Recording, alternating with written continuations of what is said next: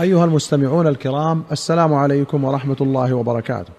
في كتاب النكاح باب الإيلاء أخرج البخاري عن ابن عباس رضي الله عنهما قال أصبحنا يوما ونساء النبي صلى الله عليه وسلم يبكين. عند كل امرأة منهن أهلها. فخرجت إلى المسجد فإذا هو ملآن من الناس.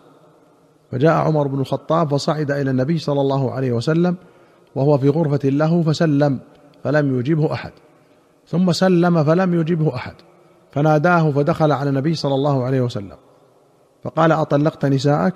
قال لا ولكن آليت منهن شهرا فمكث تسعا وعشرين ثم دخل على نسائه قوله آليت أي حلفت ومعناه حلف لا يدخل عليهن شهرا واتفقوا على أنه ليس المراد بإيلائه منهن الإيلاء الذي في عرف الفقهاء فالذي في عرف الفقهاء مختص بالحلف على الامتناع من وطئ الزوجة وسيأتي إن شاء الله. واختلف في سبب إيلائه صلى الله عليه وسلم. والذي في الصحيحين أنه العسل وأنه اعتزلهن من شدة غضبه عليهن كما مضى في كتاب ذكر رسول الله صلى الله عليه وسلم. وأخرج البخاري رحمه الله عن أنس رضي الله عنه قال آلى رسول الله صلى الله عليه وسلم من نسائه شهرا. فكانت انفكت قدمه فجلس في علية له فجاء عمر فقال أطلقت نساءك؟ قال لا ولكن آليت منهن شهرا فمكث تسعا وعشرين ثم نزل فدخل على سائر نسائه. فقالوا يا رسول الله آليت شهرا؟ قال إن الشهر يكون تسعا وعشرين. وأخرج البخاري ومسلم عن أم سلمة رضي الله عنها أن النبي صلى الله عليه وسلم حلف لا يدخل على بعض أهله شهرا. فلما مضى تسعة وعشرون يوما غدا عليهم أو راح فقيل له يا نبي الله حلفت ألا تدخل عليهن شهرا؟ فقال إن الشهر يكون تسعا وعشرين. وأخرج مسلم عن ابن شهاب الزهري قال إن النبي صلى الله عليه وسلم أقسم ألا يدخل على أزواجه شهرا. قال الزهري فأخبرني عروة عن عائشة قالت لما مضى تسع وعشرون ليلة أعدهن دخل علي رسول الله صلى الله عليه وسلم. قالت بدأ بي. فقلت يا رسول الله إنك أقسمت أنك لا تدخل علينا شهرا وإنك دخلت من تسع وعشرين أعدهن. قال إن الشهر تسع وعشرون. قال ابن حجر فيه تذكير الحالف بيمينه إذا ظهر نسيانه لها وفيه أن من غاب عن أزواجه ثم حضر يبدأ بمن شاء منهن ولا يلزمه أن يبدأ من حيث بلغ ولا أن يقرع. كذا قيل. ويحتمل أنه بدأ بعائشة لكونه وافق يومها. وأخرج البخاري عن نافع أن ابن عمر قال إذا مضت أربعة أشهر يوقف حتى يطلق ولا يقع عليه الطلاق حتى يطلق يعني المؤلي. قال ويذكر ذلك عن عثمان وعلي وأبي الدرداء وعائشة واثني عشر رجلا من أصحاب النبي صلى الله عليه وسلم. وفي رواية أن ابن عمر كان يقول في الإيلاء الذي سمى الله عز وجل لا يحل لأحد بعد الأجل إلا أن يمسك بالمعروف أو يعزم الطلاق كما أمر الله تعالى.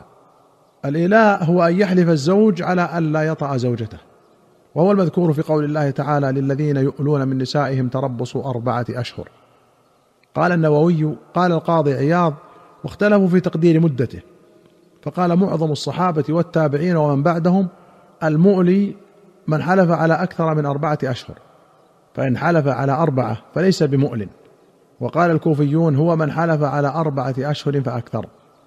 وعن ابن عمر أن كل من وقت في يمينه وقتا وإن طالت مدته فليس بمؤلن وإنما المؤلي من حلف على الأبد.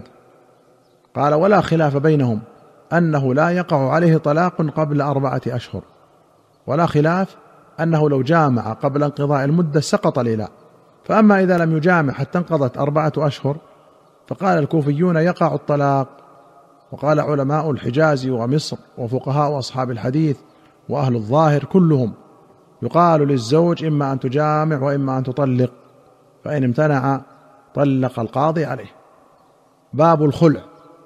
أخرج البخاري رحمه الله عن ابن عباس رضي الله عنهما أن امرأة ثابت بن قيس بن شماس أتت رسول الله صلى الله عليه وسلم فقالت له ما أعتب على ثابت في خلق ولا دين؟ ولكني أكره الكفر في الإسلام. قال أبو عبد الله البخاري تعني تبغضه.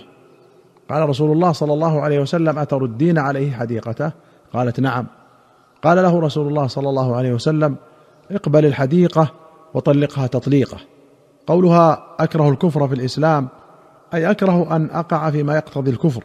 وقال الطيبي المعنى أخاف على نفسي في الإسلام ما ينافي حكمه من نشوز وفرك وغيره. مما يتوقع من المبغضة لزوجها. وفيه أن الخلع يشرع إذا كرهت المرأة عشرة الزوج واستدل به على أن الفدية لا تكون إلا بما أعطى الرجل المرأة عينا أو بقدره ولا يزيد عليه وهو قول أبي حنيفة وأحمد وغيرهم. وقال مالك لم أزل أسمع أن الفدية تجوز بالصداق وباكثر منه لقوله تعالى فلا جناح عليهما فيما افتدت به وسماه افتداء لأنها تفتدي نفسها من ملك زوجها وأسره لها كما يفتدي الأسير نفسه. وقال سعيد بن مسيب ما أحب أن يأخذ منها ما أعطاها ليدع لها شيئا. وأخرج ابن ماجة والترمذي والنسائي والطبراني في الكبير بسند حسن عن الربيع بنت معوذ بن عفراء أنها اختلعت على عهد رسول الله صلى الله عليه وسلم فأمرها النبي صلى الله عليه وسلم أو أمرت أن تعتد بحيضة. وفي رواية قالت اختلعت من زوجي ثم جئت عثمان فسألته ماذا علي من العدة؟ قال لا عدة عليك إلا أن تكوني حديثة عهد به فتمكثي حتى تحيضي حيضة. قال وإني متبع في ذلك. قضاء رسول الله صلى الله عليه وسلم في مريم المغالية كانت تحت ثابت بن قيس بن شماس فاختلعت منه. الاختلاع أن تبذل الزوجة لزوجها عوضا ليفارقها. قال ابن تيمية رحمه الله مذهب فقهاء الحديث كالإمام أحمد وإسحاق وابن خزيمة وغيرهم أن الخلع فسخ للنكاح وفرقة بائنة بين الزوجين وليس بطلاق ولا يحسب من الثلاث. وهذا هو الثابت عن الصحابة. وكذلك ثبت عن عثمان بن عفان وابن عباس وغيرهما أن المختلعة ليس عليها أن تعتد بثلاثة قروء وإنما عليها أن تعتد بحيضة. وأكثر أهل العلم يقولون عدة المختلعة عدة المطلقه والمغالية نسبة إلى بني مغالي قبيلة من الأنصار. وأخرج مسلم عن عائشة رضي الله عنها قالت إن بريرة عتقت وكان زوجها عبدا فخيرها رسول الله صلى الله عليه وسلم فاختارت نفسها ولو كان حرا لم يخيرها. وأخرج البخاري رحمه الله عن ابن عباس رضي الله عنهما قال كان زوج بريرة عبدا أسود يقال له مغيث عبدا لبني فلان. كأني أنظر إليه يطوف وراءها في سكك المدينة ودموعه تسيل على لحيته يبكي عليها.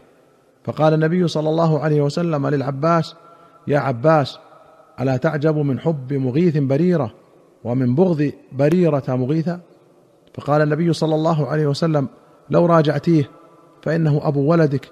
قالت يا رسول الله تأمرني؟ قال إنما أشفع. قالت فلا حاجة لي فيه. رضي الله عنهما. أيها المستمعون الكرام إلى هنا نأتي إلى نهاية هذه الحلقة. حتى نلقاكم في حلقة قادمة إن شاء الله. نستودعكم الله. والسلام عليكم ورحمة الله وبركاته.